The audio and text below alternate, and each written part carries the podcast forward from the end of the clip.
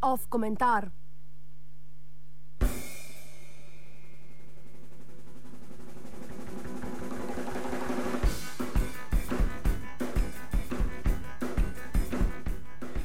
Po papežu Janša.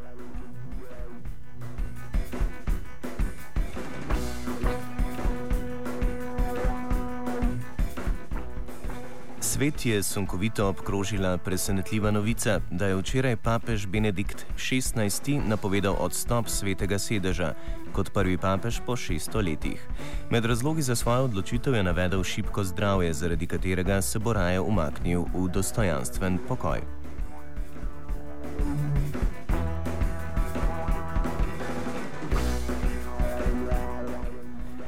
V Sloveniji se medtem Janez Janša drži v svojem sedlu, kakor da bi v državo pravkar prijahal kot osamosvojitelj. Legitimne in spontane proteste proti svoji vladi je spočitka zavračal kot konstrukt stricev iz ozadja, sedaj pa je proti njim sklical tudi zbor za republiko, sestavljen iz jedra zvestih voljivcev, ki jih je njegova stranka v center Ljubljane pripeljala s plačanim avtobusnim prevozom, pri tem pa naj bi nekaterim celo grozila z izključitvijo, v primeru, da se shoda ne bi udeležili živili. Kljub tem okoliščinam se je na kongresnem trgu zbralo le manjše število pomladnikov, po ocenah na podlagi posnetkov iz zraka med 3 in 5 tisoč ljudi, po oceni policije kar 9 tisoč. Organizatori pa so na samem zboru presodili, da jih je prišlo podpreti kar 12 tisoč ljudi.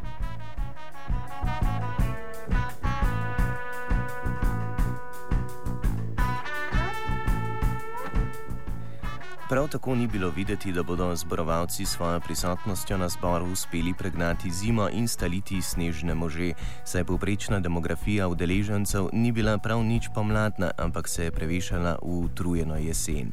To dejstvo je razblinilo tudi morebitne strahove, da bi med ustajniki in zborovalci lahko v prihodnje prišlo do nasilnih konfliktov, saj slednji zagotovo ne premorejo niti dinamike, niti številk, ki bi se lahko kosale sicer nenasilnimi protesti proti političnim politični eliti v prestolnici.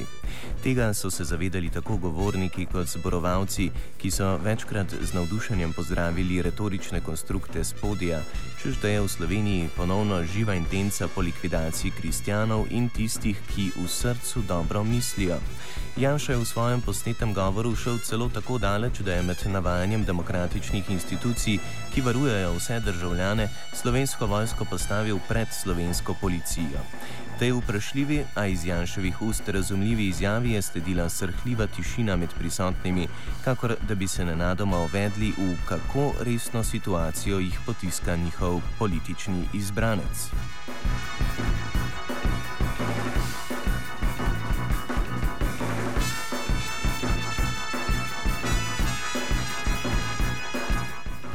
Udeležence zbora za republiko smo zato povprašali, ali se strinjajo s krčenjem javne porabe, ki so ga govorci izpostavili kot ključnega za izhod Slovenije iz krize. Dobili smo enotne odgovore, čež da se je birokracija v Sloveniji preveč razpasla, ko pa smo jih opozorili, da se je iz javne porabe poleg ostalih demokratičnih institucij napaja tudi vojska in policija, smo spet dobili enoten odgovor, čež da se pri njiju ne sme vrčevati.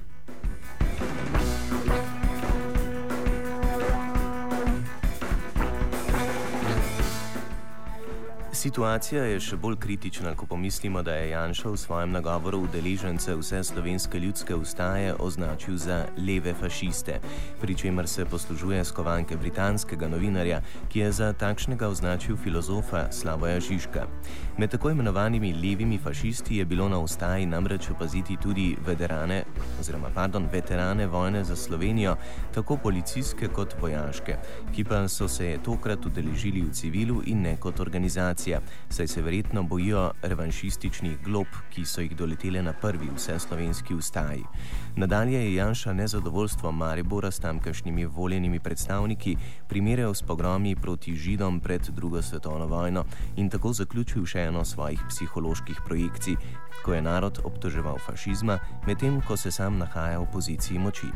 Govor je zaključil z besedami, da so to vrstni strankarski zbori šele začetek, zato naj Bog živi na nam deželo, Bog živi v slovenski svet.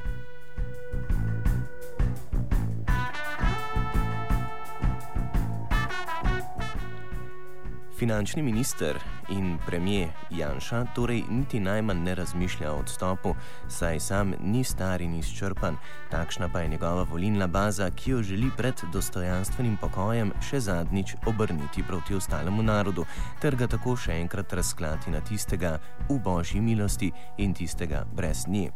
S tem pa pošilja tudi nazorno sporočilo moderatorjem ustaje, ki skušajo s kulturno konotacijo umiriti vse bolj upravičeno jezo Slovenije. Tokrat jim je z improviziranega odra še uspelo preprečiti kolevajoč poskus podiranja ograje med množico in policaji, odpira pa se vprašanje, ali bo kulturni program množico zamotil tudi na prihodnih ustajah.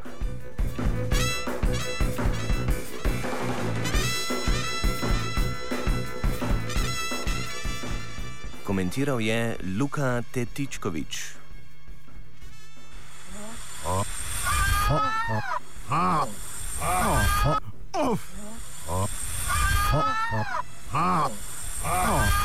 comentar.